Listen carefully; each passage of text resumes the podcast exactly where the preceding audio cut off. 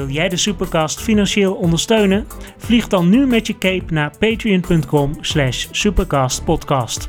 Daar mag je zelf bepalen of je wilt doneren als een Peter Parker, een Tony Stark of zelfs een T'Challa. En bij elk donatielevel horen interessante beloningen. Check het zelf op patreon.com slash supercastpodcast.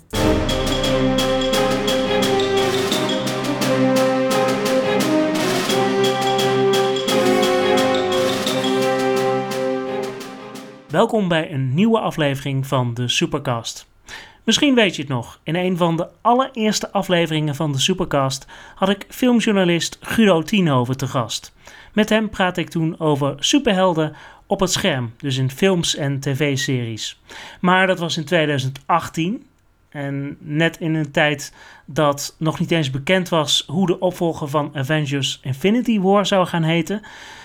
Dus ik vond het wel weer tijd voor een update. Een nieuwe Helden op het scherm aflevering dus. Ditmaal met een andere filmjournalist, namelijk Ruud Vos. Je zou hem kunnen kennen van de filmpodcast Duimpje Worstelen. Een podcast waarin ik zelf binnenkort trouwens ook te gast ben, maar daarover later meer. De podcast van Ruud heet Duimpje Worstelen dus en hij legt zelf even uit wat je je daarbij moet voorstellen. Het is vrij simpel. Ik nodig elke keer iemand uit en dan hebben we het over een film waarover we mening verschillen. Dus uh, iemand geeft een duim omhoog voor een film en ik mijn duim omlaag. En dan gaan we erover discussiëren over waarom we dat vinden en een beetje de diepte in uh, over film ouwe hoe Het idee ontstond ooit, uh, in ieder geval het concept ontstond ooit toen ik nog in een videotheek werkte en iemand een favoriete film van mij terugbracht. Dat was Drive op dat moment. En uh, er meteen iets bij zei van, ah, wat een scheidfilm. En dat vind ik grappig. Dan wil ik weten waarom. En dat heeft leuke gesprekken op. Dus ik dacht van, dit is een goede gespreksopener. En uh, zo geschiedde. Toen ik eenmaal dacht van, hey, ik wil een podcast gaan maken. Toen heb ik dat idee er weer bij gevist. Ja, toen werd het dit. Ja, want het idee is, soms, soms is de gast niet heel erg te spreken over de film. En soms, mm -hmm. soms ben jij uh, kritisch. Dat, ja, dat is ja, een beetje lang idee, geleden, toen het, uh, toen het nog geen podcast was, maar nog een geschreven interview. Toen uh, was dat voor een uh, persoonlijk filmblog waar ik niet negatief op wilde zijn naar films. Dus toen was ik altijd degene met de duim omhoog. Dat was soms ook wel een uitdaging met mensen vinden om het over films te gaan hebben. Dus bij de podcast heb ik het ook losgelaten. Alhoewel ik het nog steeds wel moeilijk vind om ehm, heel erg negatief te gaan doen over films. Soms, soms lukt het trouwens hartstikke goed laatste aflevering, Le de Lego Movie, was ik vrij kritisch. Uh, andere keren ben ik, ben ik toch wat meer aan het luisteren naar waarom uh, iemand anders het tegenovergestelde vindt. Omdat ik dat toch ook fascinerend vind. Ik luister graag ook daarna. Wat vind je zelf niet tof? Als jij, als, als de gast een, de film niet goed vindt of als jij de film niet goed vindt? Ik vind het vooral grappig als andere mensen mijn favoriete films afbekken. Dat vind ik hilarisch. dat, dat, dat is gewoon een, een, een gevalletje masochisme, denk ik. Ik, uh, ja, ik kan er gewoon om dubbel liggen wat mensen uh, dan uh, zeggen. Ik wou zeggen uitkramen, maar dat, is, dat, dat, dat doet, niet, doet, dat doet geen recht aan wat mensen zeggen. Want het is vaak heel erg goede kritiek. Um, waarom het iemand op een film afknapt. En ik zie die dingen ook, maar ik knap er niet op af, omdat er andere dingen zijn waardoor ik het wel goed vind. Ja, dat, dat kan gebeuren. Maar dan nog, um, als iemand uh, echt mijn, mijn favoriete films met de grond gelijk maakt, en, uh, dan, dan, dan pak ik daar graag een bakje popcorn voor en dan ga ik zitten luisteren. Ja. Wat, wat, het is iets in mij wat dat graag doet. En ja, uh, voor de rest ben je natuurlijk ook um, actief als filmjournalist. Hoe, mm -hmm. hoe ziet dat eruit in het mm, dagelijks leven?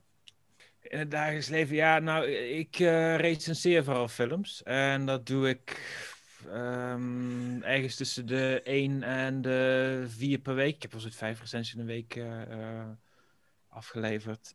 maar dat, is, ja, dat, dat hangt er vanaf. nu tijdens corona is het vooral veel thuis kijken. Af en toe kan ik toch het op een groot scherm zien, omdat ik ook in een, in een bioscoop werk. Um, maar meestal, als, het, als, al, als alles gewoon open is, et cetera, dan ga ik er voor Amsterdam en dan kan ik een persvoorstelling meemaken. En dan um, heb ik, als het goed is, een paar dagen om er even goed over na te denken wat ik op wil schrijven. Soms zit het wel dichterbij en dan, dan moet het met, uh, met wat meer risico dat ik er achteraf toch niet meer mee eens ben. Maar, maar ja, hoe ziet dat eruit? Het is, uh, uh, je kijkt een film, um, je gaat heel erg zitten nadenken van wat is nou hetgene wat ik er het liefste van wil zeggen. Tenminste, dat is mijn, mijn methode. En dat probeer ik in ieder geval één heel erg punt erin naar boven te halen. Soms meerdere, maar dat hangt er vanaf. Maar dan probeer ik echt erop te focussen om dat punt het beste te maken over die film. En dan ga ik erover nadenken van oké, dan waarom geef ik hem zoveel sterren of niet, of dat soort dingen. Het is uh, veel achter een laptop zitten en typen, dat is hoe het eruit ziet. Of achter een, achter, tegenover een scherm zitten en kijken. Het is een heel passieve, uitziende baan. Ik hoop dat er veel uh, in me omgaat uh, als, als ik er iets over moet gaan schrijven. En dan zie je dat er aan de buitenkant steeds niet vanaf. Dus het ziet er heel saai uit, denk ik. Maar ik neem aan dat je in deze COVID-tijden dat je dan veel ook films kijkt via streamingdiensten bijvoorbeeld dat moet wel, ja. De meeste films die ik op dit moment recenseer, echt in een lockdown, dat, uh, dat zijn ook echt films die op streamingdiensten uitkomen. Dus dat kan, dat kan Netflix zijn, maar bijvoorbeeld ook um, Disney Plus of Pickle. Pickle is zo'n uh, uh, streamingdienst waarop nieuwe films te zien zijn die eigenlijk ook in de arthouses nog draaien of moeten gaan draaien. En als er een lockdown is, dan komen sommige films alleen maar op, op Pickle uit. Dat krijg je dan ook ja, meestal is het dat. Of Pathé thuis. Uh, die zijn ook uh, zo vriendelijk om uh, als, wel eens ooit van tevoren toegang te geven tot een film. Heel handig. Want jou, jou, jouw smaak is ook wel vrij breed hè, qua films. heb ik het idee althans. Ik, ik heb zeker mijn voorkeuren, de dingen die ik leuk vind. Maar ik heb ze ook absoluut een brede smaak. Tenminste, ik geniet ook sowieso van het kijken zelf. En er zijn wel dingen die ik echt wat minder vind. Er zijn wat van die plattere musicals waar ik echt minder mee heb. En ik noem bijvoorbeeld ook een klassieker zoals Grease of Dirty Dancing. Prima dat mensen daar heel veel dikke vette lol mee hebben en zo. Ik geniet, geniet ervan en zo. Ik heb mijn eigen troep waar ik naar kijk en um, het, is, het is allemaal goed. Maar dan nog, ik kijk ze wel en ik kijk ze met mijn vriendin en die zitten dan wel wat meer van te genieten. En dat, dat levert ook wel leuke onderrondjes op, is prima. Nu is het uh, een, uh, een eh, superhelden podcast natuurlijk. En um, mm-hmm. ook, een, ook een typische fase 1 uh, special. Ik ben deze podcast ooit begonnen met het idee van... ik vraag mensen naar hun favoriete superhelden. Ook om een beetje achter te komen wat, wat mensen nu precies aanspreekt in, in, in superhelden. Heb jij sowieso veel met, veel met, veel met superhelden? Ja, behoorlijk. Ik kijk al, consumeer allerlei superhelden media sinds dat ik klein ben. En dat begon vooral met tekenfilms. Dus um, alleen, of uh, niet alleen tekenfilms, maar ook bijvoorbeeld de oude Batman-serie van Adam West, toen die op tv werd uitgezonden, keek ik dat ook. Maar ik, was, ik zoomde wat, wat meer in op dingen zoals uh, X-Men en Spider-Man, wat ook een nieuwe tekenfilmserie van uitkwam in de jaren negentig. Dat soort dingen vond ik echt super tof. En ook de Batman uh, tekenfilmserie op basis van, die, die uitkwam nadat Tim Burton zijn eerste Batman-serie had gemaakt. Zal 91 of 92 zijn geweest van Paul Dini. Dat is ook een van de dingen die me, die me zeker heel erg heeft beïnvloed. En op een gegeven moment, toen ik ook steeds meer smaak begon te krijgen voor comedy, kwamen er ook steeds meer van die komische superhelden dingen bij. Zoals bijvoorbeeld uh, The Tick en Darkwing Duck dingen waar ik helemaal uh, los op ging. Maar ook zeker films daarover, dat, dat wakkerde al heel snel wat in me aan. En ik, heb ze, ik kijk ze continu en met veel plezier, ja, zeker. Ik moet zeggen dat ik er nu afgelopen week wel weer een paar extra heb gezien, omdat ik dit ging doen. Maar... Maar ik wil niet zeggen dat ik meteen altijd als er een nieuwe superheldenfilm uitkomt naar de bioscoop sprint om te gaan kijken. Maar uiteindelijk zie ik ze allemaal wel bijna. Eh, ben je dan ook van de comics of vooral van de films en series? Comics is wat later pas gekomen. Toen ik uh, X-Men ging kijken op tv, toen heb ik altijd een X-Men comic gekocht om dat eens te kijken, want ik las ook veel strips.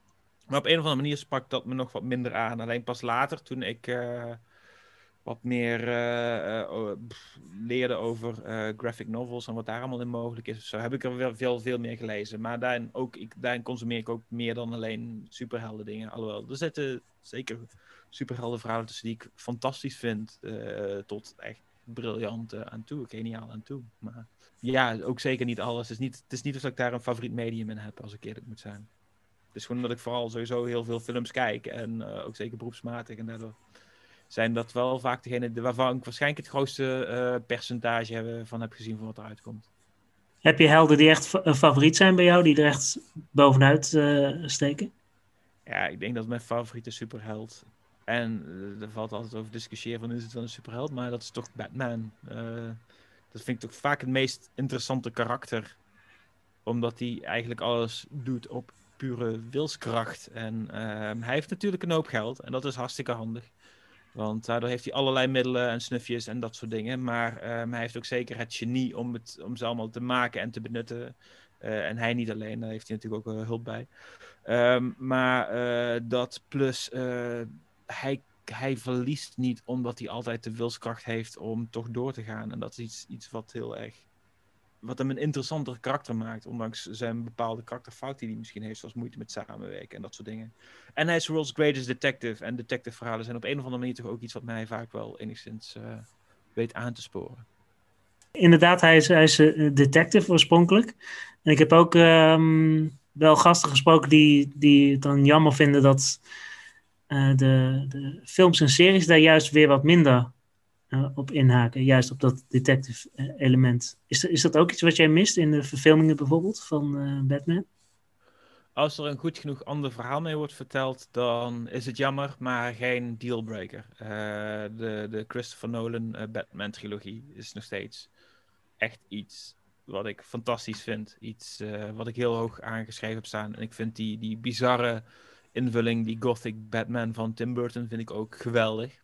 Maar Nee, ja, als er een keer een echte World's Greatest Detective film uh, is, en die gaat er niet komen, dan vind ik het alleen maar, alleen maar tof. Uh, Matt Reeves is nu, als het goed is, bezig met die film, uh, The Batman. En um, tot nu toe, alles wat ik daarvan hoor, is goed. Dus Matt Reeves, daar ben ik die maakt me zeker benieuwd naar wat hij ervan kan maken. Want hij, hij uh, is over het algemeen wel goed bezig. Ik vind Robert Pattinson goed gecast. Ik vind Paul Dano uh, ook ontzettend goed gecast als de Riddler. Daar ben ik heel erg benieuwd naar. Alle andere namen die eraan verbonden zijn, vind ik heel erg tof. En hij zegt dus inderdaad, het wordt meer de, die, die, die detective kern van Batman. Dus dat maakt me echt extra benieuwd. Zeker na wat we van, van aan Batman hebben gekregen de laatste tijd. ja, precies. De, de, de Snyderverse uh, Batman. Ja, ja we noemen het al de Snyderverse, omdat we dan het los kunnen koppelen van andere DCEU-dingen die, uh, die we wel leuker vinden, of wat. Ja, ik weet niet. Ja, dat is. Uh, volgens mij heeft, uh, heeft Zack Snyder toch naam gemaakt met, met niet al te succesvolle adaptaties van het personage. Ja, zou ik het maar meteen zeggen. Uh, destroy the Snyder Cut, hashtag. Laat hem, uh, laat hem met z'n allen verspreiden. Maar uh, ze, hij komt er nu aan en ik ga, hem, ik ga hem zeker kijken. Misschien op de dag die uitkomt, vier uur lang. Zack Snyder's Justice League, waarom niet? Maar leuk voor de mensen die er wel op zitten te wachten. Ehm, we zien hoe succesvol het kan zijn als je de, de fans geeft wat ze willen. Zoals The Rise of Skywalker was natuurlijk een fantastisch groot succes. Ik ben mijn hoofd aan het schudden van nee, dat was het niet. Uh, dat mensen thuis het ook even kunnen zien. Maar uh, in ieder geval kunnen inbeelden hoe ik dat met mijn, met mijn bolletje doe. Maar nee, uh, Zack Snyder's versie is zeker niet mijn favoriete versie. Het lag totaal niet aan Ben Affleck. Ik vond Ben Affleck goed gecast. Ik vind hem een toffe acteur. En ik vond hem ook zeker in die rol eruit halen wat erin zat. Alleen, films? Nee, het was de domste Batman die ik ooit heb gezien. Lijkt me vier uur afzien. En ik ga vier uur afzien, want dat voel ik me een soort van mezelf toe verplicht. Toch wel uit uh, nieuwsgierigheid? Of? Tuurlijk uit nieuwsgierigheid. En ik moet wel weten waar het over gaat om erover mee te kunnen praten. Ja, ik ben het inderdaad eens uh, wat betreft uh, Ben Affleck sowieso als, als Bruce Wayne en, en Batman. Hij had beter verdiend. Ja, inderdaad. Maar um, ik vond Josh Whedon's versie van, van Justice League nog best oké. Okay. Zat wel de een van de slechtste dingen in die ik heb gezien over Batman. En uh, het was wel een beetje in de geest van hoe die werd neergezet in uh, uh, Batman v Superman. Dus het zou een Zack Snyder ding kunnen zijn. Het zou een van de reshoot dingen kunnen zijn. En dat is um, Batman zit in de auto, de Flash stapt erbij in.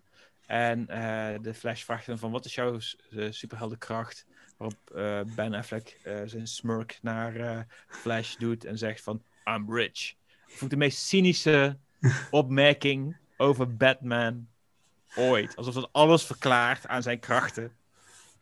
Zijn, zijn wilskracht. Alles wat hem een interessant personage maakt. Totaal niet. Het zijn emotionele littekens. Het is zijn, zijn wil om, om uh, ja, het kwade te bestrijden op zijn... Misschien iets wat fascistoïde manier. Maar oké, vooruit. Dat, dat kun je ervan zeggen. Zeker van die versie.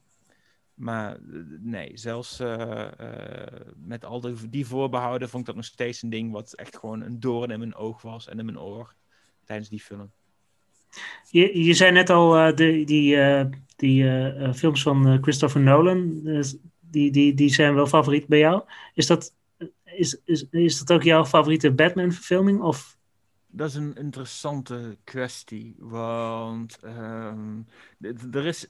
Ik, ik ben opnieuw gaan. Ik ben iets opnieuw gaan kijken. Omdat, niet omdat ik dat uit mijn eigen beweging deed. Maar omdat ik iemand anders erover hoorde praten. Is namelijk uh, Patrick H. Willems. Die maakt uh, video-essays online. Uh, doet dat vaak met een leuke visuele flair en zo. En hij heeft op een gegeven moment een video gemaakt. Um, Patrick Explains Batman uh, Mask of the Phantasm and Why It's Great. En dat is de, de film die gebaseerd is op die tekenfilmserie van Paul Dini uit de jaren 90. Op een gegeven moment was dat een groot succes. Dachten ze van, we gaan hier ook een filmversie van maken. En dan hebben ze een, een, een verhaal van, volgens mij is het maar een uur of zo. En hij, zijn punt was dat dat de beste Batman-film was ooit gemaakt. En ik moet hem nageven, hij heeft een fucking goed punt. Dat is wel eigenlijk sowieso al die Batman die we eigenlijk in films zullen hebben. Alleen dan nu een tekenfilmvorm met die gebrekkige tijd weet die film een veel beter verhaal te vertellen. Ik iets wat veel meer ingaat op de psyche van Bruce Wayne. Het confronteert hem met eh, dat hij op het punt stond, misschien ooit, om het toch niet, uh, niet mee verder te gaan. En wat dat met hem doet, dat hij een andere beslissing zou nemen met zijn leven. Dus eigenlijk gewoon datgene wat hem ja, uh, een interessante figuur maakt, dat, dat, dat wordt eigenlijk eventjes op de proef gesteld daar. En dat levert ook een ontzettend goede film op. En zijn punt was ook nog daarbij van... Dat doet hij ook nog met een schurk die niet al in de Batman comics zit. Iets wat andere films alleen maar aan vast blijven houden. Van laten we maar mensen gebruiken die, die ook al in de, de strip zitten. Want dan krijgen mensen iets wat ze al kennen. is alleen maar goed. Ja, de, de zo, zoveelste versie van de Joker of zo. Ja, precies. Ja. Uh, Tim Burton wist daar nog op zich het meeste van af te stappen. Door ook van die andere figuren uh, daarin toe te voegen. Zoals uh, Jack Palance als de gangsterbaas van uh, de Joker. Of ja, Jack Napier op dat moment nog. En in de, de, Batman Returns heeft hij ook zo'n figuur, Mac Shrek, de, gespeeld door Christopher Walken. Interessante figuur die dingen in gang zet, maar speciaal gemaakt voor die film. En daardoor ook interessant. En op zich trouwens, nu ik erover nadenk, ik heb de, de, Richard Donner Superman films gekeken. En het zijn wat meer comic relief figuren, maar die heeft ook wat mensen toegevoegd die later ook in andere dingen terecht zijn gekomen. Uh, uh, mevrouw Tessmacher en uh, Otis, de twee hulpjes van Lex Luthor, die zijn daar bij verzonnen en die zijn later ook weer in dingen, andere dingen verschenen. En zijn wat flauwere figuren dan wat ik nu, die, die van Tim Burton, die waren wel wat interessanter en ook zeker functioneler voor het verhaal, maar toch ja, ze voegden wel op zich wel wat toe aan die versie van Superman, als je het zo wilt zien. Wat, wat heb je dan zoal uh, teruggekeken in, in voorbereiding op deze, deze aflevering? Waar heb je je echt in verdiept? Dus niet alleen terugkijken, maar wel vooral. Ik ben vooral eens gaan nadenken, want vroeg van wat vind ik goed aan superhelden verhalen en dat soort dingen. En toen ben ik ook vooral eens even wat, wat dingen terug gaan kijken die ook wat, wat, wat flauwer of wat minder waren en zo. Die eerste uh, Superman van Richard Donner, die, is, die wordt oké bevonden, maar uh, mensen hoor je wel eens ooit wat meer nog over ja, toch met een bepaalde zwakte naar uh, Superman 2. Ook al is dat geen vermaakte film, maar omdat generaal Zod daarin zit en die dingen roept als uh, Son of Jor-El, Before Zod. Dat vinden mensen heel erg cool. En daardoor vinden ze die film ook weer heel erg fantastisch ook. Dus ik heb die eerste gekeken. Ik heb de, de Donner Cut gekeken van Superman 2 omdat ik daar ook gewoon benieuwd naar was, die nog nooit gezien. Ik heb Batman en Robin heb ik herbekeken was ik heel erg benieuwd naar. Uh, ja, wat heb ik meegekeken? Ik, uh, eentje die ik wel heel erg goed vond uh, al de eerste keer en die ik gewoon weer eens opnieuw wilde kijken en vond ik nu een goede gelegenheid voor, was Logan. Alleen ik heb nu de noir versie gezien, die in zwart-wit. Die James Mangold ook heeft laten maken, omdat hij benieuwd was hoe dat eruit zag. En vond ik oké. Dat zwart-wit voerde minder toe dan uh, uh, Mad Max Fury Road, waar ook een zwart-wit versie van was. Ik vond het net iets minder goed erbij passen bij Logan. Maar nog steeds, het was wel fantastisch mooi zwart-wit. En dat maakt het wel weer uh, mooi om, naar te kijken op een bepaalde manier. En het verhaal blijft gewoon overeind. Wat hebben we nu? Hebben we nu iets meer gekeken? oh ja, Infinity War heb ik opnieuw gekeken. Um, ook omdat de eerste keer dat ik hem in de bioscoop zag, ik zoiets van... Ja, nou ja, ik ben niet zo fan van de Russo Brothers, maar ik vond hem wel oké. En ik ben benieuwd hoe dat hij overeind blijft. Maar ik, ik vond hem nog steeds niet super interessant. Dan vind ik Endgame bijvoorbeeld een stuk beter. Maar die heb ik dan weer niet opnieuw bekeken, want die had ik al drie keer gezien in de bioscoop. Oké, dat, is, dat is interessant. Daar, daar, daar kunnen we zo meteen wellicht ook nog op ingaan. Maar je, je had het over, over, over Superman. Als je die, die, die, eerste, die, die eerste twee Superman-films bijvoorbeeld. Ja. Wat ik altijd een beetje heb, en dat is misschien heel, heel, heel stom. Ik ben uh, destijds een beetje minder geïnteresseerd geraakt in Superman. En dat kwam eigenlijk puur uh, door het, uh, het einde van zowel film 1 als film 2. Mm -hmm. Omdat hij daarin alles eigenlijk weer terugdraait. En de, ja. en de film eigenlijk gewoon weg kunt gooien. Dat is in mijn beleving. Ja, bij deel 2 nog meer dan bij de, deel 1. Deel 2 draait hij echt alles terug. En deel 1 draait hij alleen de dood van Lois terug. Ja, precies. Ja.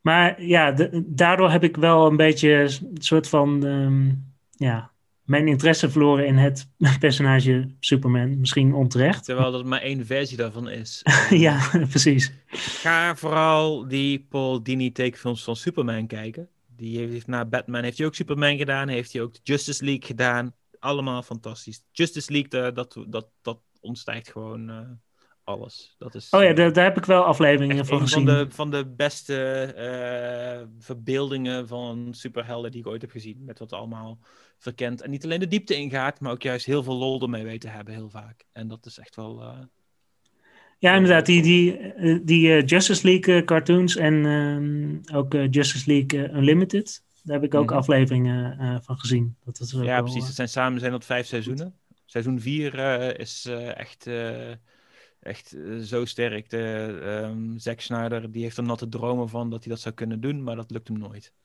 Zijn er, zijn er helden waarvan je nog, ooit nog eens een goede film zou willen zien? De uh, Fantastic Four. Daar oh, ja. ik echt van dat er een keer een goede film van komt. Uh, er was uh, sprake van dat Noah Hawley, de, de maker van onder andere de, de tv-serie van um, Fargo, en de tv-serie Legion uh, is hij allebei een beetje de, de voorman geweest, de hoofdschrijver. En die vind ik allebei fantastisch. En hij zou misschien een film maken genaamd Doom, die Dr. Doom als hoofdpersonage heeft. Dat, daar zou ik heel erg benieuwd naar zijn geweest. Ik weet dat zijn eerste film die hij heeft geschreven en geregisseerd, Lucy in the Sky, niet zo goed is bevallen. Die moet ik nog zien, dus ik wil graag nog een keertje mijn eigen oordeel over vellen. Maar um, ik ben wel fan van wat ik tot nu toe van hem wel heb meegekregen. Waaronder, ik ben nu ook zijn boek aan het lezen. Before the Fall, vind ik ook erg goed. Dus ik had graag gezien wat hij kon doen met Doom, met, met Doctor Doom. Aangezien hij zeker ook gewoon een van de, slechtste personages was in die twee verschillende versies. die er sinds de jaren negentig zijn geweest. Er is er ook al eentje geweest eerder, geloof ik, van Roger Corman. Die hebben we nog nooit gezien. Maar die is sowieso voor een mini-budget gemaakt. En eigenlijk alleen maar om die rechten niet kwijt te raken. En nou ja, goed. Uiteindelijk al de Fantastic Four verfilmingen voldoen daar een beetje aan. Ik, ik, ik hoop dat er een keer een goede van komt. Want dat, ja, ik vond die, ik vond die, die, die 2005 film vond ik nog wel ja. oké. Okay. Met, uh, ja, met, ja, precies. Uh, die, die eerste met uh, Chris Evans en. ja, ja okay, als film was die wel leuk, maar Dr. Doom was daarin wel echt. Ja, dat echt stom. ik, ik, ik vind het vooral heel stom dat hij voor een groot deel van de film gewoon zonder, zonder zijn masker oploopt. Ja, deel 2, The Rise of the Silver Surfer, daar knapte ik nog meer op af. En vooral door een bepaald shot. En. Um, superhelden moet je nooit een te hoge disbelief bij hebben, want het vraagt om uh, best wel wat uh, suspense of disbelief. Maar je hebt zo'n shot dat de Silver Surfer is in Londen geweest, heeft een, een krater in de aarde geslagen in de Thames. Weet je wel? En er zit zo'n diep gat en dan stroomt de Thames leeg. Maar ineens is de Thames helemaal droog. Er komt nergens meer water vandaan. Zo werkt dat niet. Als je een rivier hebt, komt er water van één kant en dat loopt dat gat in. Het is niet dat alles meteen in één keer droog staat. Dat is echt zo'n moment dat ik echt even brak en dacht van oké, dat, kan helemaal niks van mee. Goed, dat, dat ze daar in Galactus ook een wolk laten zijn in plaats van een groot persoon, vond ik jammer. Maar daarvan heb ik zoiets van, nou, dat is een creatieve keuze, dat zal wel. Dit was gewoon dom. Maar kunnen we mooi een bruggetje slaan eigenlijk naar uh, Marvel? Want we hebben het natuurlijk uh, um, al over DC gehad. Vooral um, Um, ja, beetje Marvel. Naar aanleiding van, van, van Batman. Ja, maar bij Marvel heb je natuurlijk uh, ja, sowieso verschillende ik wilde zeggen verschillende richtingen, maar dat gaat nu ook veranderen natuurlijk, nu, uh, nu alles uh, Disney is, uh, is geworden. Maar, um, Op die manier verschillende universa waar tussen geen echte interactie was. Ja, precies. je hebt, ja, heb, je de, heb je de laatste aflevering van WandaVision gezien? ja, inderdaad. Het begint toch wat te doorbroken te worden. En er waren al geruchten over Spider-Man. Maar nu is het echt al een beeld geweest. Dat vond ik wel spannend even. Ja, ik ben heel benieuwd waar dit, uh, waar dit heen gaat en wie we nog meer uh, gaan zien. Ja, het was aflevering 5 is op het moment van opnemen de laatste aflevering van WandaVision. Misschien handig om dat er even bij te vinden. maar als je bijvoorbeeld kijkt naar de, de, de MCU, die in, ja. Um, ja, in 2008 eigenlijk van start is gegaan met, met Iron Man. Hoe kijk jij naar die, naar, naar die franchise? altijd fan Sorry. van geweest? Of? Uh, de eerste keer dat ik uh, uh, er iets van zag, was gewoon Iron Man meteen aan het begin. En ik was zeker heel erg benieuwd van tevoren. Het maakte het compleet waar. Ik heb er veel van genoten. En sindsdien kijk ik elke, elke film van de MCU wel. Niet altijd in de bioscoop. Ik heb volgens mij zelfs best wel veel, zeker in de beginfase, niet in de bioscoop gezien. Tegenwoordig ga ik bijna elke keer wel, als er een nieuwe van uitkomt, met een vriend van me ze kijken in de bios. Als, als dat kan, als het even kan. Kan niet altijd, maar als het kan, als het kan, dan doen we dat. is leuk. Maar, maar je, je, zei net al, um, je hebt Infinity War opnieuw, opnieuw gekeken. Ja. En, en je zei al, dat, daar was je niet zo van on, onder de indruk, maar waar, waar, waar lag het nee, dan aan? Hij is, hij is prima. Hij is, de, het einde is, blijft, blijft gewoon goed. Dat blijft een gut punch, ook de tweede keer dat ik die zag. Dus wat dat betreft, dat, dat is gewoon prima opgebouwd. Maar um, het, is, het, is, um, het is apart. Het is zeker intrigerend dat ze daarin een soort van verhaal-arc juist vooral hebben gegeven aan, aan Thanos. En dat is een zeer fascinerende keuze, een ingenieuze keuze. Want dat is ook zeker iets wat dat verhaal nodig heeft om toe te werken naar, naar Endgame. En als dat je zijn ontwikkeling ziet die hij doormaakt om tot zijn doel te bereiken dat maakt die film interessanter. En voor de rest heb je heel veel superhelden daaromheen gaan. De mensen aan wie je gewend bent, die er zeker in moeten zitten. Zeker ook om een beetje te maskeren dat het eigenlijk om Thanos gaat in die film. Dus die, al die mensen moeten ook iets doen hebben. Mensen en, en wasberen en bomen en weet ik wat. En ze lopen allemaal door elkaar heen. En ze hebben een stuivertje wisselen van de ene naar de andere toe. En ze leggen nieuwe verbanden, want sommige mensen die kennen elkaar nog niet en zo. En dat, er gebeurt heel veel daarin. Het gebeurt allemaal vrij snel. En tempo is goed. Dus het kijkt lekker weg. Het is allemaal prima. Het is heel erg fijn dat de Russo's het hebben gedaan, omdat zij die tv-ervaring hebben, zodat ze weten hoe ze het moeten brengen. Dat vind ik allemaal hartstikke mooi. Alleen als ik echt de, met wat kritischer oog naar kijk, is het een wat, wat, wat holler deel dan Endgame, waarin heel veel dingen toch echt samenkomen. En ook zeker 25 jaar aan films. Nee, 25 delen aan films. Eigenlijk uh, hoeveel, hoeveel jaar films? 13 jaar aan films ineens samenkomt. Maar wat, wat maakt het dan precies uh, hol eigenlijk? Dat het alleen maar actie op reactie, actie op reactie is. En dat de betekenis daarvan, de, de, de diepere laag daarvan, bij de helden die het meeste probeert te volgen, een beetje ontbreekt. Dat zit eigenlijk vooral allemaal bij Thanos.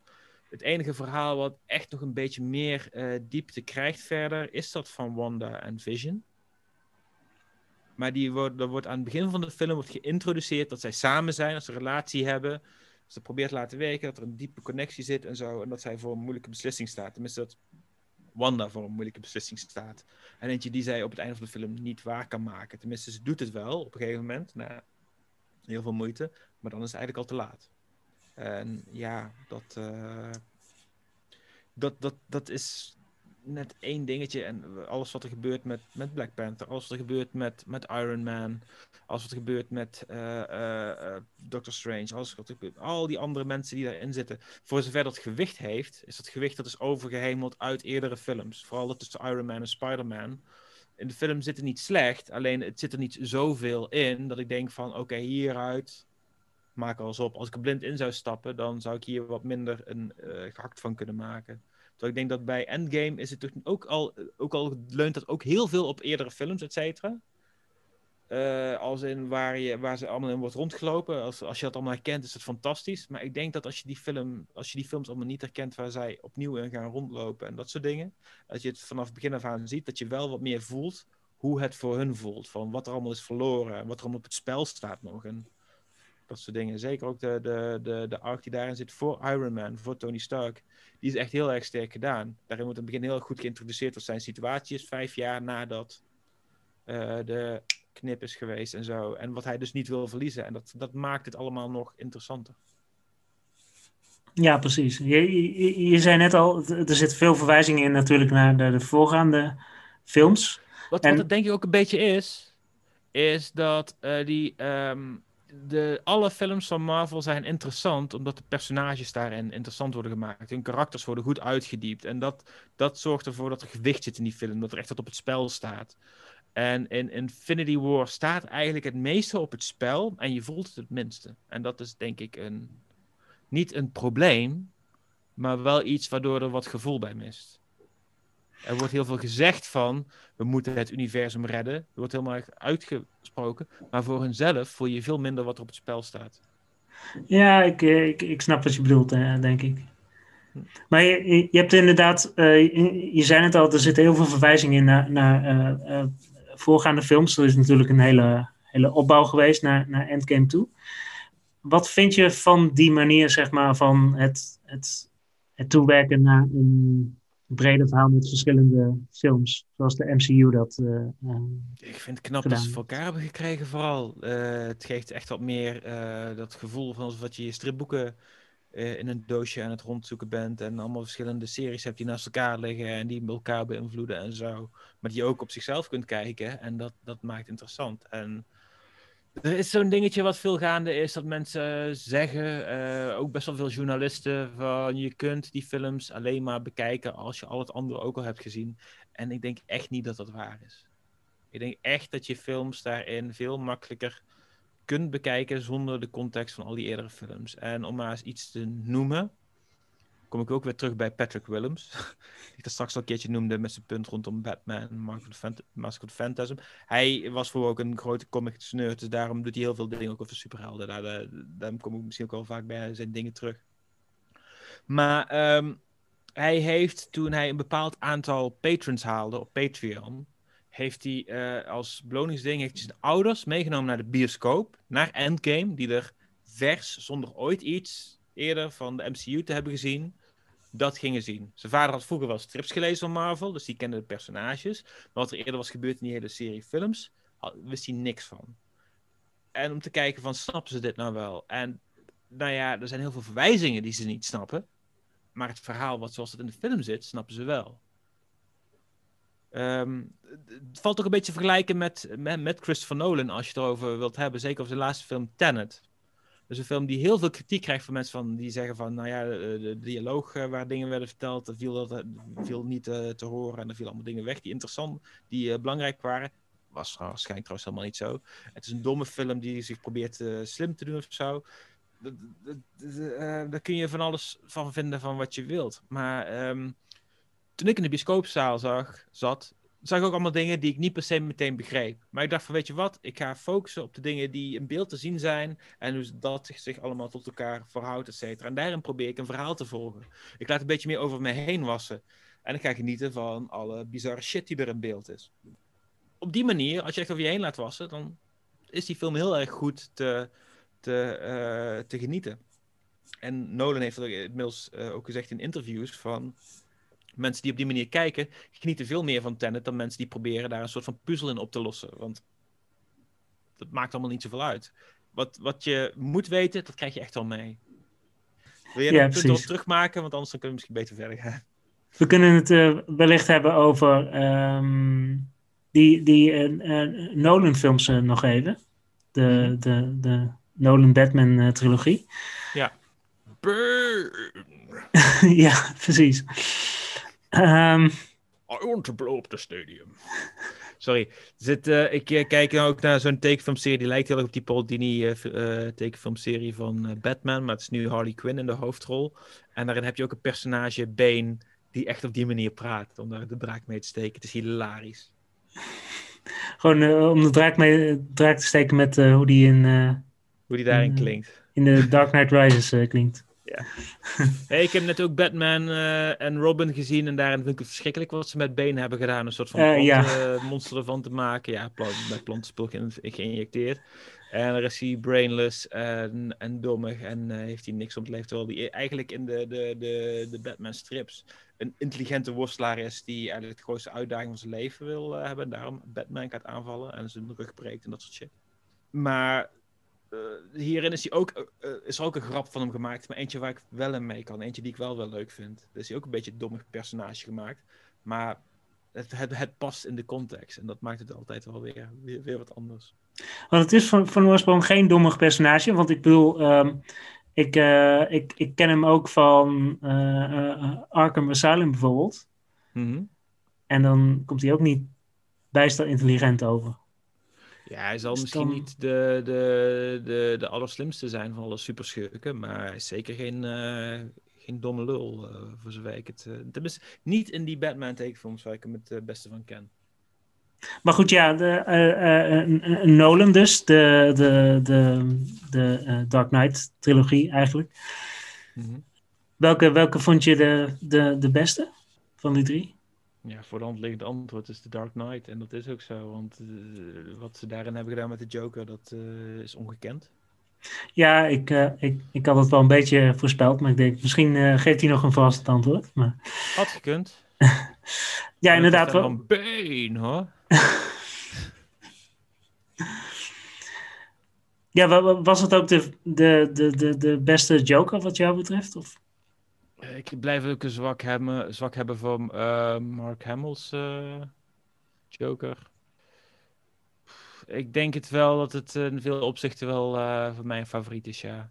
En ik wil niet zeggen dat de Joker per se een psychopaat moet zijn, zoals hij daar wordt neergezet. Maar hoe ze dat hebben gedaan daar en hem mysterieus houden, dat vind ik echt een heel erg eh, sterk staaltje. Dat was een trend die op dat moment wat meer had in films op een of andere manier. Dat, dat er echt ehm, schurken werden neergezet een paar jaar lang die bijna natuurkrachten lijken te zijn. Net zoals ook in No Country for Old Men. En de Joker is daar eh, en een archetype van en een fantastisch voorbeeld van. Ik vind het eh, zeer knap hoe ze dat eh, hebben gedaan. En ik vind ook zeker dat Ledger dat fenomenaal heeft neergezet. En het is tragisch dat het zijn leven heeft gekost. Als je dat op die manier wilt zien. Er zal vast meer ze hebben gespeeld, maar Had je meer, eh, meer superheldenfilms van Nolan willen zien? Met, met, met andere helden? Hij heeft natuurlijk Man of Steel heeft hij wel geproduceerd, maar En Man of Steel vind ik een van de meest gruwelijke producten. Ja, sorry, nee. Eh, nee, dat. eh, een- symptoom is al gauw dat je denkt van dit vond ik zo goed, ik wil hier meer van zien. En ehm, ik ben ook blij dat Nolan gewoon zijn eigen ding doet. Ehm, als, hij, als hij een ander uh, superheldenverhaal wil, vertellen, dan, dan ben ik heel benieuwd. Kan ik zeker kijken. Maar ehm, er komt er genoeg anders eh, uit wat, eh, wat hartstikke goed is hoor. Op dit moment ben ik vooral even benieuwd naar de volgende Thor-film van Taika Waititi. nou ja, de Thor Love and Thunder. Ja, zeker. Yes. Wat, waar, waar, waar kijk je het meest naar uit? Ik Wat, ben heel erg eh, benieuwd hoe eh, Natalie Portman daarin is. Zij is ook niet altijd per se het pers, de, de, de actrice die het meest bekend staat om haar gevoel voor humor.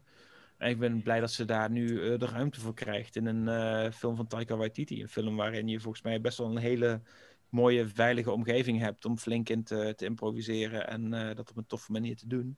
En ik ben benieuwd wat zij gaat doen daarin. Zeker ook als dat personage, wat niet per se het meest eh, aansprekende love interest was voor, eh, voor een superheld. Maar ehm, ook zeker niet de beste behandeling heeft gekregen. Ze vooral in eh, Thor The Dark World, de film die eigenlijk door Patty Jenkins zou zijn, zou zijn gemaakt. En dan zou zij een heel andere rol hebben gespeeld. En nu was het, de film was...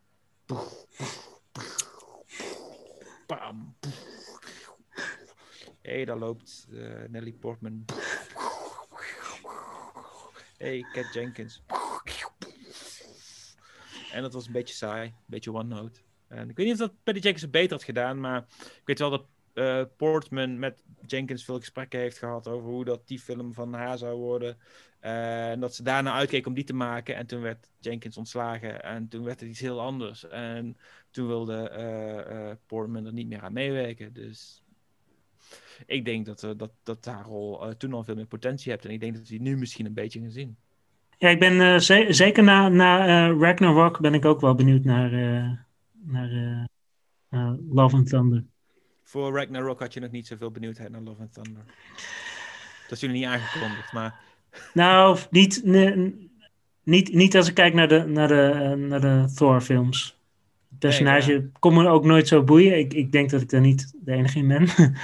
maar bij, bij, deel, bij deel 3 werd het echt een beetje... De eerste vond, de eerste vond ik oké. Het was uh, adequaat ding is, uh, Kenneth Branagh die zag een soort van uh, Shakespeare-equivalent in Thor en, um, en Loki onder Odin als een soort van vergelijkbaar materiaal met um, Henry IV Part 2, Henry V rond die koers. Degene die uiteindelijk Henry V wordt en een halfbroer heeft, of een bastaardbroer eigenlijk. Ja, ook een halfbroer dus. Um, en dat daar dan onderlinge ja, spanning onder is en zo. En dat heeft hij ook toegevoegd aan Thor. En dat maakt het in ieder geval nog enigszins een, een ambitieus verhaal. Wat misschien niet het beste uit de verf komt. Maar hij heeft in ieder geval geprobeerd. En er zitten ook echt wel wat dingen in wat, wat, wat, wat haken en ogen aan die interessant zijn. En het is, heeft ook nog steeds Loki geïntroduceerd. Maar Thor The Dark World doet daar niks mee. Het is uh, grappig dat je dat zegt, juist die, die, uh, die um, die Shakespeare-insteek van, uh, van uh, Thor. Want een. Um, ja, hij filmt ook al eens heel erg raar met scheve hoeken, maar dat, uh, dat voegde we minder toe. Want, Branagh is niet onfeilbaar. Want een veel, veel, veel gehoorde kritiek op juist de latere MCU-films is dat alles een beetje in hetzelfde. een beetje in dezelfde Marvel-mal ja, moet. dat is een uh, tweede unit die alle actie opneemt. Alle actiescènes zijn van tevoren al uitgedacht. En de, de andere figuur, regisseurs worden even ingevlogen om de scènetjes ertussen wat te filmen. Dat is in ieder geval een beetje het beeld uh, daarvoor. En het is ook zeker iets wat, wat je best wel ziet bij films als Black Panther. Zeker dat eindgevecht. Grote CGI gebeuren. Tussen ja, twee mensen in pakken in een op een donkere treinrails, et cetera. Dat is echt zo'n second unit dingetje. Echt zoiets wat ervoor is uitgedacht. Was het se nodig dat er zo uitzag? Of uh, misschien... um, uh, ik kan even niet op zijn naam komen, de regisseur. Van Creed ook. Want in Creed heeft hij fantastisch mooie boxscènes gefilmd. Uh, Coogler, Ryan Coogler. Had hij niet misschien in zich om daar, dat, die actie ook op een mooie manier te filmen? Misschien wel, zou kunnen. Ik had het graag gezien. Ik had hem graag daarin mee zijn gang zien gaan, maar dat is niet het werkt. En dat, dat is jammer. Zijn ook allemaal die andere dingen, formule dingen. Maar ik vind, vind Black Panther nog steeds boven allemaal andere Marvel films ook nog wel uitsteken. Omdat de rest van het verhaal zo goed is ingevuld. En zeker zo'n goede tegenstander in de figuur uh, van... Uh, Killmonger. Sterk geacteerd, sterk vormgegeven, sterk geschreven. En voor de rest kun je er misschien een wat doorsnedig superhelden verhaaltje erin zien. Maar dat het een wat dan eventueel wat doorsnediger superhelden verhaaltje is, dat het een heel mooi wordt ingevuld in, uh, in Afrika, in een Afrikaanse context, met vooral een zwarte groep van filmmakers en acteurs, et cetera, dat soort dingen. Geeft er wel veel meer meer meerwaarde aan. En het leverde een hele mooie meme op, waarop het ging over um, God, Andy Serkis en Martin Freeman, die in de film zetten, die werden neergezet als de Tolkien White Guys. Haha, goede woordgrap. Um, maar heb je binnen de, binnen de, binnen de MCU nog favoriete helden? Favoriete helden? is er een held waar ik... Zijn vaak toch wat meer de, de specifieke verhalen of zo, de, specifieke films waar ik dan misschien wat meer mee heb dan met anderen.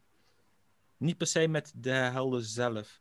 Ik moet zeggen dat ik op een gegeven moment wel een beetje Iron Man moe werd, terwijl iedereen nog steeds Tony Stark geweldig vond en ook Team uh, Stark koos of Team Iron Man in de Civil War had ik wel zoiets van, ja, ik ben hem een beetje vermoeiend te vinden is een beetje persoonlijk iets. Uh, maar zijn, uh, zijn send-off in Endgame was fenomenaal. Niet alleen omdat ze hem kwijt zijn, maar ook omdat het ontzettend goed was neergezet. Daar voelde ik hem ineens weer helemaal. Dat vond ik fantastisch. Ehm, Thor is op dit moment een van de grappigste, dus die vind ik heel erg leuk. Um, Guardians of the Galaxy daarentegen, die zijn voor veel andere mensen de grappigste, maar die vind ik dan weer niet zo grappig. Dus niet, die haken niet zo in op mijn filmsmaak, dus daarom vind ik die veel minder leuk. Het raakt mij gewoon niet. Ik moet, ik moet er niet om lachen en dan ga ik ook op andere dingen letten, op waarom ik die film misschien wat minder interessant vind. Ik heb er een aflevering over opgenomen met uh, de Nijmeegse schrijver Dennis Gaans. Uh, dus volgens mij nummer 6 uh, eh, van Duimpje Worstelen. Dus als je graag al mijn argumenten wil horen die ik toen heb genoemd, hoef ik ze nu niet te gaan herkouwen.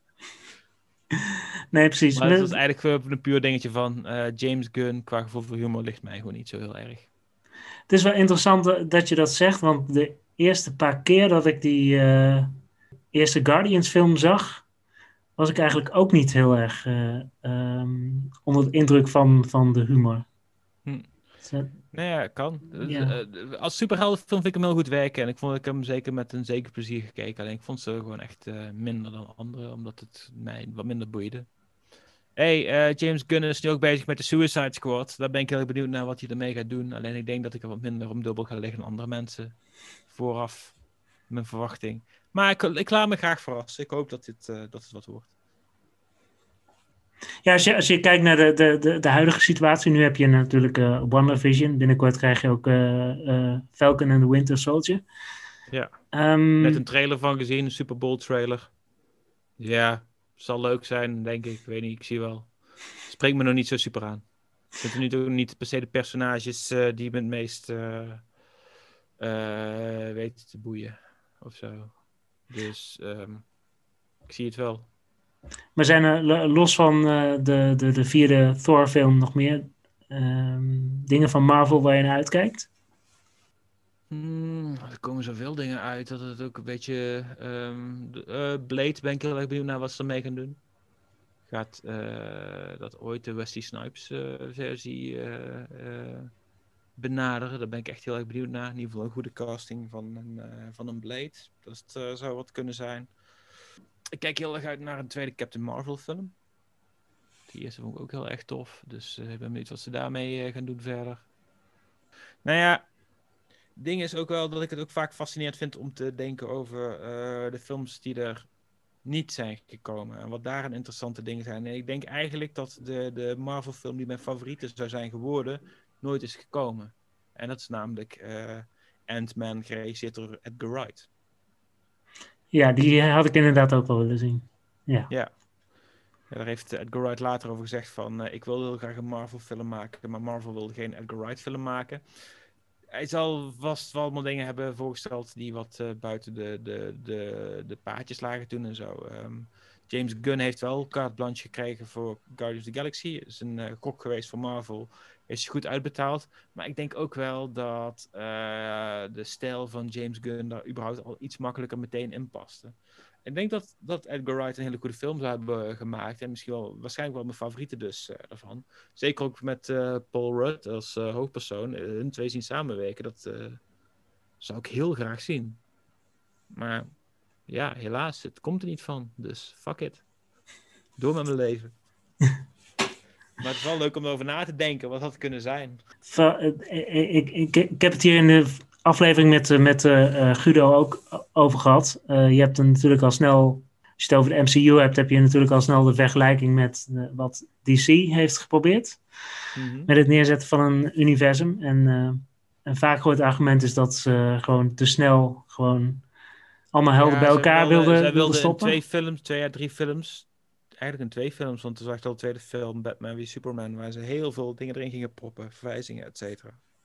Je wilde gaan doen wat, uh, Marvel echt zijn tijd voor heeft genomen. En die, die achterstand die moet je eigenlijk gewoon nemen. Is dat uh, het probleem of zijn er nog wel andere dingen die... Misgaan in, in dat universum. Ze hebben visionaire regisseur uh, Zack Snyder uh, de leiding gegeven over de DCEU in het begin. Dat was ook niet uh, per se de handigste keuze. Ding was ook, Zack Snyder had Watchmen gemaakt. Wat misschien niet de beste eh, inhoudelijk de beste versie van is of zo, maar van wat hij kan, heeft hij daar het beste van gemaakt wat hij zou kunnen maken. Ik heb die film gezien in de bioscoop, heb ik van genoten. Ik wil hem nooit meer zien, omdat ik niet hoef te zien, niet, niet, nog niet met een diepe analyse opnieuw hoef te kijken. Omdat alleen al toen ik meer ging nadenken over die film nadat ik hem had gezien, dacht ik al van, hij staat al niet zo goed overeind als toen ik hem gewoon alleen maar aan het kijken was, aan het consumeren was. Dus, uh, maar goed, dus hij heeft die film gemaakt met een soort van subversie van superhelden. En vervolgens is hij met datzelfde is hij doorgegaan toen hij een Superman film ging maken. Hij ging met diezelfde cynische blik een Superman film maken. Een film over de superheld, die de meest positieve van alle superhelden is. De, de gewone boerenjongen uit Kansas die, die, die alle krachten uh, in zich heeft uh, om, om iedereen te kunnen verslaan, et cetera. En hij heeft het, het uh, verkend alsof dat het een, een, een god is met een, een soort van raar complex dat hij moeite mee heeft, dat hij al die krachten heeft en zichzelf nooit kan laten zien. En allemaal duistere gedachten en zo. En, ja, en dat, dat, dat is dan nog niet eens het ergste. Ja, ik zag, ik, ik, ik zag, een, uh, ik zag een, een, een, een, filmpje, volgens mij was dat uh, van uh, Wisecrack. Dat het probleem met die film is dat Man of Steel eigenlijk een beetje blijft hangen in de, in, in, zeg maar de, de weigering. Als je het, het hebt over de story. Ja, maar ook het, het ontmantelen wat, wat Watchmen doet alsof dat, uh, uh, omdat die Watchmen heeft gemaakt, die niet terug kan gaan naar een gewoon recht toe aan superheldenfilm maken. Terwijl dat is waar, waar een film waarin je Superman introduceert, het, het meest zou floreren. En uh, je kunt zeker op dit moment, nu dat er weer van alles uitkomt over Joss Whedon op de set van Justice League, heel veel persoonlijks tegen hem hebben of zo. Maar ik denk wel dat die Superman als een karakter van hoop wat beter begrijpt in de twee films daarvoor heeft Superman niks gedaan om die hoop en zo te, te, te verdienen. Die hij ineens meekrijgt in uh, Justice League. Maar het is in ieder geval iets. Een betere gedachte in dat personage en wat hij presenteert voor de mensheid. Oh ja, er was nog een andere film die ik opnieuw had gekeken. Die volgens mij niet uh, echt uh, overeind blijft. Dat was Superman Returns. Die heb ik, die heb ik nooit, nooit gezien eigenlijk. Maar... Ja, je kunt het bekijken. Dus uh, je kunt het ook niet doen. En uh, ik denk dat je leven er hetzelfde uit zal zien. We hebben het uh, over films gehad, maar zijn er um, series die je volgt op het gebied van superhelden? Um, ik heb van de Arrowverse nog nooit iets gezien. Ik hoor wel dat mensen dat leuk vinden en dat ik dat zeker zou moeten doen. Ik noemde al dinges, de tekenfilmserie van Harley Quinn erg aan, eh, dikke aanrader. Dus uh, heel erg sitcom-achtig, maar in sommige opzichten. Maar het wordt ook steeds uitzinniger. Nu, uh, na twee seizoenen, is al de, de shit zo losgegaan dat je echt gewoon denkt van, wat de fuck was dit? Maar ook interessant daardoor juist. Die, die, die serie heeft gewoon geen regels, heb ik het idee. Dus dat is fantastisch. Mijn favoriete uh, superhelden-serie van de laatste tijd was Legion. Die X-Men serie, eigenlijk een X-Men figuur die is in zijn eentje een hele serie krijgt en zo. Die, film, die serie is, is grappig, hij is psychedelisch, hij is uh, ook uh, bizar en uh, ook heeft diepgang, heeft veel intelligente gedachten erin zitten en zo. mooie vormgeving. Vrij uitzinnige serie, ik vind hem echt heel erg sterk. Ik, ik hoor daar positieve verhalen over, inderdaad. Ja, die kan ik echt van harte aanraden. Volgens mij is het nu na drie seizoenen klaar. En dat is ook wel prima. Maar ik moet zeggen, ze hebben er echt wel uh, heel veel vette dingen mee gedaan.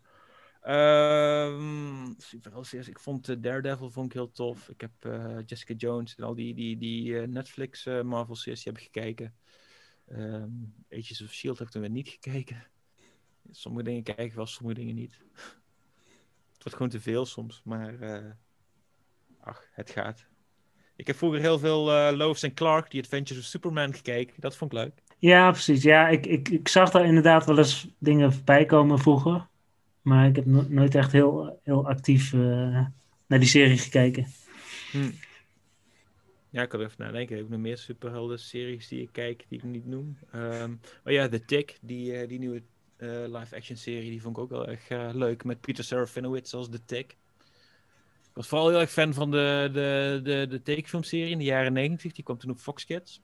Met ook heel veel parodie op bestaande superhelden. Zoals had je een soort van Batman-figuur, maar dan Ja, een beetje een loser variant van die heet dan de Fledermaus. Die komt helaas niet in die nieuwe serie eh, terug, maar er zitten weer genoeg andere leuke dingen in waar je dan weer wat meer op kunt inhaken. Ja, ook zeker leuke casting daarin. ook Griffin Newman als Arthur, het, de sidekick van The Tick, ook heel erg leuk gedaan. Zou ik niet verder kunnen noemen? Ik weet het niet. en maar nu je het daarover hebt, een, een, een parodies op superhelden. Mhm. ben je ook bekend met The Boys? Ja, wel bekend mee, maar nog niet gezien. Ik ehm, heb een beetje een haat-liefde verhouding met Mark Millar. Op, de, op wiens uh, strips die dingen zijn gebaseerd. Ik vond Kick-Ass deel 1, die, die, die, die film, die vond ik destijds wel heel erg tof. Maar ja, goed, is ook gemaakt door uh, Matthew Vaughn. Die heeft ook, uh, wat mij betreft, de beste X-Men film gemaakt. X-Men First Class. Kick-Ass 2 deed hij dan weer niet. Die vond ik ook weer meteen een stuk minder. Maar bijvoorbeeld iets als Wanted is ook gebaseerd op een verhaal van hem. Die vond ik een stuk minder interessant. Um, ook de, de, de, de, Kingsman, Secret Service, dan weer spionnenverhaal, is ook gebaseerd op zijn strips. Vond ik, dat was de eerste uh, film van Matthew Vaughn, dus van Kick-Ass ook, die ik vond tegenvallen. Dus dat vond ik dan weer jammer. Ja, um, The Boys, ik weet niet wat ik ervan moet verwachten. Het kan, kan oké zijn, maar um, ik, ben, ik sta er niet op te springen om die kans te gaan geven op een of andere manier. Ik, wil het eigenlijk, ik vind eigenlijk wel dat ik het een keer moet gaan doen. Maar ik, iets houdt me tegen. ik weet niet wat het is. Ja, ik, ik, ik, ik, ik, vind het zelf wel een goede serie, maar je moet, uh, het moet inderdaad net je ding zijn, denk ik. Nou, het kan zijn dat je er een goed punt mee maakt, want het niet is gemaakt op een manier die ik interessant vind om te kijken. Maar dat weet ik nog niet. Ik, uh, ik heb alleen wat beelden gezien en het ziet er uh, uit alsof dat ze het heel gritty hebben gemaakt, zoals een Zack Snyder film. Even kijken, ja, want je, je, je noemde net ook al uh, X-Men. Um, ja. Vooral First Class. Mhm. daar heb je natuurlijk ook heel veel films van, van gehad. Wat vond je dan van die verfilmingen, de, de, om, om, om echt filmversies te zien van de X-Men? eerste keer stond ik echt wel zeker om te springen. En uh, die heb ik niet in de bioscoop gezien. Vond ik destijds wel jammer. Maar uh, toen ik hem eenmaal thuis wel kon zien, toen vond ik hem wel echt heel erg tof. Die uh, eerst van Brian Singer. tweede vond ik ook heel erg, heel erg cool. Vond tot dan toe waarschijnlijk wel de beste. Maar ja, deel 3 vond ik toen oké. En ik ben nooit meer geneigd geweest om die terug te gaan zoeken. Omdat ik weet dat ik hem nu niet meer zo tof zou vinden. heb ik ook zoiets bij van ja, het zal wel eens gewoon dat beetje nostalgie wat er aan, aan, kleeft, dat mag eraan blijven kleven. Het zal wel. Maakt me niet zoveel uit. Uh, maar ja, bijvoorbeeld die eerste Wolverine film, X-Men Origins. Yeah. The Wolverine, stukken beter, maar wel weer met een eindscène die ik wat minder mooi vond. Logan, fantastisch. X-Men First Class, fantastisch. X-Men of Future Past. Oké, prima. X-Men uh, Apocalypse. Niet zo slecht als sommige mensen zeggen, maar ook niet zoveel beter, ook niet zoveel slechter dan of Future Past, zou ik het zo zeggen. Vond, vond ik prima te kijken. Die, die laatste, die. Um, de Dark Phoenix. de Dark Phoenix. Mm, vond ik ook niet storend, maar niet heel boeiend. Ik heb hem gekeken om te kijken. Vond ik uh, de New Mutants weer ietsje interessanter, maar niet per se qua uitwerking uh, briljant of zo. En um, een vraag die ik altijd um, stelde in de eerste fase. En uh, daar heb ik eigenlijk niet op voorbereid, dus ik ga, ga dat nu spontaan doen. Maar um, welke, welke superkracht zou je zelf willen hebben? Nou, gelukkig heb ik wel zoiets wat uh, afleveringen gehoord uit die eerste fase. En uh, wist ik die vraag misschien wel zou komen. Dus uh, ik heb er maar wel vast over op, op voorbereid. Maar, ehm, nou ja, ik heb die vraag nooit eerder gehad. En het was, toen ik op vakantie was in Australië, zaten in zo'n tourbusje met zo'n groep van mensen die allemaal niet kent en zo. het was zo'n ijsbrekersvraag. En uh, ik weet niet, ik was toen lekker aan het riffen en ik voelde me grappig genoeg. En toen heb ik ooit bedacht van, ja, ik wil uh, de, de, de, de king of the monkeys zijn. Dat ik met alle apen kan praten en dat ik ze allemaal mischief kan laten uithalen met iedereen. Lijkt me super grappig. Alleen dacht van ja, om dat nou hier te gaan, alleen maar te gaan reproduceren als dan, eh, dat wil ik als superkracht hebben, voelt ik weer een beetje flauw. Dus ik dacht van, laat ik maar eens even ook een beetje serieus over nadenken. En ik merkte ook dat ik vaak bij uh, veel uh, dingen die ik keek met superhelden, een van de dingen die ik vaak interessant vond en misschien ook wel misschien het liefst wilde hebben als kracht, was uh, shapeshifting. Dat je kunt veranderen in ieder ander. En dat je dan kunt voordoen als ieder ander. Maar is ook gewoon dat je dus je hele uiterlijk en je stemmen zo kunt veranderen. Dat lijkt me wel iets heel echt tofs. Ja, dat is een, eh, dat is een toffe inderdaad. Wat, wat, wat, wat denk jij wat, wat de, de, de aantrekkingskracht is van superhelden? Ja, het is de fantasie, hè? Dat je zelf ook dat soort krachten hebt en alles kunt uh, doen wat je wilt op die manier. En of dat je dat dan misschien gaat gebruiken inderdaad om andere mensen te helpen. Of dat je juist de kwaadaardige dingen ermee gaat doen. Er valt heel veel mee te spelen met die gedachten. En dat maakt heel erg interessant als een, als een onderwerp voor dit soort dingen. Het is niet per se uh, altijd hetgene wat de film zelf interessant maakt, maar het is wel wat het concept van superhelden interessant maakt. En ook zeker in hoe dat in verhouding staat tot bijvoorbeeld um, verhalen over goden die we vroeger hebben gehad. Als je dan kijkt naar zo'n uh, een pantheon met allemaal meerdere goden die allemaal hun eigen eigenschap hebben. En die ze ook eigenlijk een soort van superkracht hebben. Je merkt ook wel dat veel uh, superhelden daarmee worden samen uh, uh, mee worden vergeleken. Zoals bijvoorbeeld Wonder Woman is eigenlijk ook Promethea uit de Griekse pantheon. En ze vechten ook niet voor niks tegen allemaal Griekse goden. En Thor is een, is een superheld geworden met ook weer een soort van mythologische achtergrond en dat soort dingen. Um, is niet voor niks dat bij elkaar wordt gehaald, want het zijn soortgelijke verhalen. Dus er zit daar ook iets herkenbaars in, want je, je, hebt iemand met superkrachten, maar die geeft je ook een slechte eigenschap, zodat die interessant wordt. En dan kun je er verhalen mee vertellen, ja. Een superheld die volmaakt is, is niet uh, interessant, maar als ze niet uh, per se volmaakt zijn, dan, dan, kun je er veel dingen mee. Ik denk dat veel mensen ook vaak zo'n idee hebben van Superman is toch helemaal perfect en zo, maar dat, is, dat, dat hoeft ook niet per se zo te zijn. Nee, precies. Maar het moet geen, uh, geen uh, Zack Snyder uh, versie worden. Nou ja. Dat is misschien weer de andere kant. Misschien als er eerst een paar andere Superman films waren gemaakt. En hij zou een oudere versie van Superman pakken. Die dan, uh, die dan wordt afgebroken binnen die reeks. Of als een variant op die reeks of zo. Dan zou ik het interessanter vinden. Maar niet het, het, het oorsprongsverhaal van Superman waarin hij überhaupt nog moet uitvinden wie hij zelf is. En dan maar meteen overal, de, zo, terwijl je de, de, de, poot van de nog vasthoudt om hem eronder te monteren, al meteen begint te zagen. Dat vond ik niet zo'n gelukkige combinatie in zijn geval. Of anders dan maak een andere variant erop die uh, een andere kant op gaat. Dat maakt het alweer interessanter. Als ik Mark Millar dan weer bijvoorbeeld iets moet nageven, heeft hij die, die, uh, die strip gemaakt, uh, Red Sun, waarin Superman niet landt in Kansas en de VS, maar in Sovjet-Rusland. En dus een wapen wordt van de Sovjets. Weet hij een interessant verhaal mee te vertellen. Of dat een perfect verhaal is, zou ik niet durven zeggen. Maar hij weet daar wel veel dingen uit te halen. Om, om er op een andere manier een keer naar diezelfde held te kijken. En daar zit misschien dat oorsprongverhaal ook weer in. Dus dat, het wil niet zeggen dat wat Zack Snyder doet per se fout is of zo. Maar hij presenteert het wel eens van: dit is Superman. En het is de Superman. Het is de Superman die jullie allemaal kennen. En nu ga ik daar even mijn, mijn variant van maken. En die vari het is niet zozeer dat hij geen eigen variant mag maken, maar zijn, zijn variant is stom. Dat is eigenlijk vooral wat ik wil zeggen. Zack Snyder kan geen verhalen vertellen. Dat is het. Hij heeft geen interesse in verhalen te vertellen. Geeft die man geen geld meer. Je had het net ook al over uh, deconstructing de, de, de superhero. Ik ja. weet niet hoe, je dat mooi in het Nederlands zegt even. Maar de superheld het, het, deconstrueren. Ja, zoiets. Uh, dat, dat, is natuurlijk vaker gedaan, maar wat is, wat, is een, wat is een goede manier om dat te doen, volgens jou? Is dat toch met humor? In ieder geval subversie. Uh, Watchmen van Alan Moore, de strip, die had uh, zeker op momenten wat humor, maar ook zeker drukte hij veel pijnpunten in.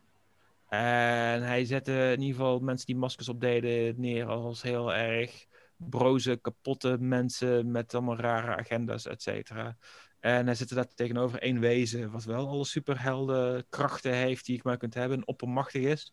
En eigenlijk alle interesse verliest in daar iets mee doen voor de mensheid en zich liever gaat afzonderen op Mars. Eh, en nog veel meer dingen hoor. Ik maak even een hele generalisatie van wat uh, Dr. Manhattan daarin is. Maar in ieder geval, dat is een van de, van, van de dingen die hem daarin typeert en zo. En dat maakt in ieder geval uh, interessant door echt gewoon te kijken van al die eigenschappen die superhelden hebben. Laat dat eens even dik uitvergroten. En um, Alan Moore plaatst ook weer een soort van een wat realistische wereld, maar een alternatieve wereld van waar we nu in zitten. Of in ieder geval de jaren tachtig, Koude Oorlog en dat soort dingen. En wat dat zou betekenen voor hoe de wereld er dan uitziet en zo. En dat, dat gaf voor mij wel zeker een, uh, iets interessants. Maar dat deed hij ook vooral door dus inderdaad uh, flink hard tegen dingen aan te schoppen. Met een goede onderbouwde manier van dat te doen. Er goed over na te denken. Nou, ik, ik, ik had het er in het begin al over. Jij uh, hebt natuurlijk je eigen podcast, de Duimpje Worstelen. Je hebt ook al menige aflevering gemaakt over, over superheldenfilms. Ja, ja. begin heb ik op een gegeven moment zelfs even be besloten van uh, misschien moeten we het maar niet gaan doen. Want uh, ik wil niet dat dadelijk 75% van mijn, super, van mijn podcast alleen maar over superheldenfilms gaat. Terwijl dat uh, terwijl zo'n rijke wereld aan films is. Ik, ik wilde eigenlijk net gaan vragen, zijn er nog superheldenfilms die je nog een keer zou willen doen in de aflevering? Bijvoorbeeld omdat, ze, omdat je een goede discussie over als er maar genoeg... Um, ook andere afleveringen worden gemaakt, wil ik elke superheldenfilm er wel in hebben. Vind ik allemaal prima. Een paar die ik interessanter vind om over te hebben nu. Uh, bijvoorbeeld Man of Steel. Heeft best wel veel fans. Ik zou er graag mijn, mijn uitgebreide kritiek een keer op willen geven. Als iemand daar voor open staat. De, de, de, de, de superheldenfilms die het best worden bekeken, leveren ook de meeste luisteraars op. Dus dat lijkt me ook zeker prima als een reden om bepaalde superheldenfilms erin te hebben. Ehm maar zijn er specifieke waarvan ik denk van dat zou een interessant gesprek op kunnen leveren. Waar, dan zou ik ook gaan, dan moet ik vooral eerst gaan nadenken over wat mijn uh, eigen uh, mening is erover. En of ik denk dat die interessant is om het nu uit het wilde weg te kunnen gaan zeggen. Want voor de rest denk ik vooral dat ik ook hoop op interessante gasten met een eigen kijk erop, die, af, die verschilt van die van mij en dat een leuke discussie kan opleveren. Dus uh, ik, ik vind het lastig. een, een fan van een, een, eh, een fan van eh, Batman en Robin of zo. Oh, dat had ik bijna gehad. Maar toen kwam ja. uh, een, uh, een video-essay uit op internet die datzelfde punt maakte wat hij wilde maken. En toen had hij zoiets van, ja, het is al daar gedaan. Uh, het was met Theodore. die wilde eigenlijk Batman en Robin heel graag verdedigen. en ik, zie al, ik heb die film gekeken. Die film die weet verdomde goed wat het is zelf. Dus het is, het is een volledig consistente film. En als je voor die visie gaat, is het een heel erg leuke film om naar te kijken. Ik vind het echt geen goede film of zo. Maar hij is beter dan mensen hem credit geven vaak. Het is gewoon niet de Batman-film die mensen op dat moment wilden zien. En dat is logisch. Zijn geen Batman-films die mensen nu nog niet zouden willen zien. Maar het is wel een film die veel interessanter is nu om te kijken dan die destijds was. Ja, uh, grappig dat je dat zegt. Want ik, ik, ik had de, dezelfde conclusie inderdaad toen ik hem, uh, uh, toen ik hem ging kijken. Hij is inderdaad, wat je zegt, het is, het is geen, geen, uh, geen uh, uh, geweldige film, maar weet in ieder geval wel wat, wat het is. En als, ik vind het wel Zo vol met teggende woordgrappen. Ja, als, als, als guilty pleasure vind ik hem vooral... Ja, dat snap ik 100%. Ja. Ja. He heeft, en Arnold Schwarzenegger en Uma Thurman weten precies in wat voor film dat ze zitten. Ja. Die gaan er volledig in op. Dat doen ze met, met, met, met verven. Met volle glorie gaan ze daarin. En ook een paar mensen meer hoor. Ook diegene die de, de, de, de eerste baas speelt van uh, Poison Ivy. Die dan, uh, waar zij wraak op neemt uh, meteen in het begin. Die gast die gaat ook zo zwaar over de top. Die, die weet precies in wat voor film dat hij zit. Maar, is dat de beste film? Het is niet mijn favoriet, maar het is oké. Okay. Uh, mensen die er fan van zijn, uh, hartstikke tof. Er zijn ook mensen die fan zijn van Cats, hartstikke tof. Maar is dat... Ik heb ook plezier van gehad om die op te, te kijken trouwens. Maar niet één film die ik per se goed vind, maar wel... De ervaring was tof. Batman en Robin net zo goed. De ervaring van het kijken is leuk. Ook was de film niet per se de beste. Maar, maar, maar als je bijvoorbeeld zo'n zo'n soort film, waar, waar je zo in staat, als je, als je die neemt voor de podcast... Aan, welke kant ga je dan meestal staan? Ga je dan de film verdedigen juist? Of? Meestal niet. Ik heb er nu net eentje opgenomen over uh, Fifty Shades Darker, waar ik mijn duim omlaag doe. Tegenover iemand die ook met een bepaalde ironie naar kijkt, maar wel uh, daarom dat, dat hij er zoveel lol uithaalt dat hij hem wil verdedigen.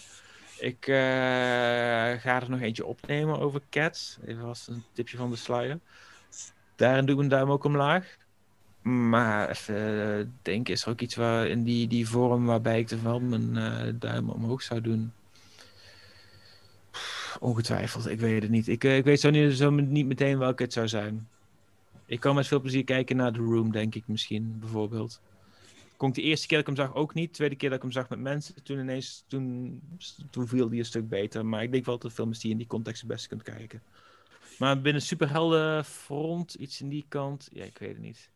Ik, uh, een superheldenfilm waar ik graag mijn duim voor op zou willen steken, waar ik graag iedereen voor wil uitnodigen om mij ervoor te benaderen om uh, daarover te gaan duimpje worstelen. Als je Orgasmo een slechte film vindt, die film van de makers van South Park, van een superheld in de pornowereld, contacteer mij.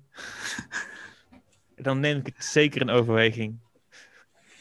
Nou, dat is, een, dat is een mooi bruggetje, want ik wilde je net vragen, waar, waar kunnen mensen jou, uh, jou vinden? Duimpje worstelen? Klinkt bijna alsof dat ik uh, nu ga zeggen, wat die kun je vinden op uh, X-video's en op uh, Pornhub. Nee, die kun je gewoon vinden op Apple Podcasts en op Spotify en op alle andere pod podcastplatforms die er zijn. Ik heb een website, duimpjeworstelen.nl, die URL heb ik. Als je graag alleen de Engelse afleveringen wil luisteren, want dat doe je nu, nu niet. Um, dan heb ik ook thumbwrestling.nl, maar daar heb je misschien iets minder aan. Eén op de vijf afleveringen is namelijk in het Engels. Um, ja, daar, daar vind je me. Uh, de, de podcast wordt ook uh, aangeboden door onder andere Cine.nl, uh, Nederlandse landelijke filmwebsite. En ook door de Nijmeegse agenda-website, ugenda.nl. Heb ik hen ook even allebei geplukt. Dankjewel, Ruud. Op duimpjeworstelen.nl vind je dus veel meer informatie over zijn podcast. En over anderhalve week, dan komt de aflevering online waarin ik zelf te gast ben. Dan gaat Ruud met mij in discussie over de John Wick films. De Supercast is te vinden via Apple Podcasts, Spotify en jouw favoriete podcast app. En natuurlijk via audiogeeks.nl. En als je daar toch bent, check die site, want je vindt er nog veel meer toffe geek podcasts. De Supercast financieel ondersteunen kun je doen via Patreon, patreon.com slash supercastpodcast. Tot de volgende keer.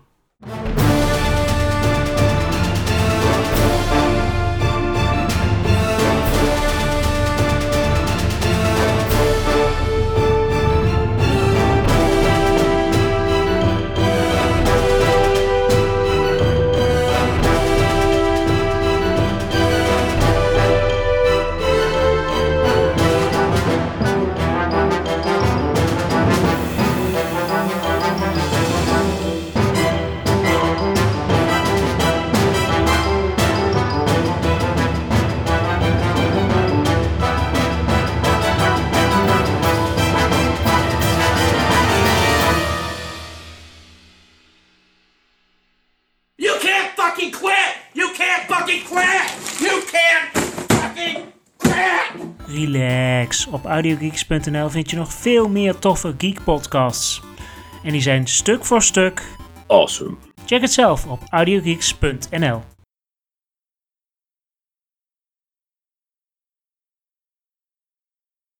Alright, cheers. Zal ik hem stilzetten? Ja. Cool.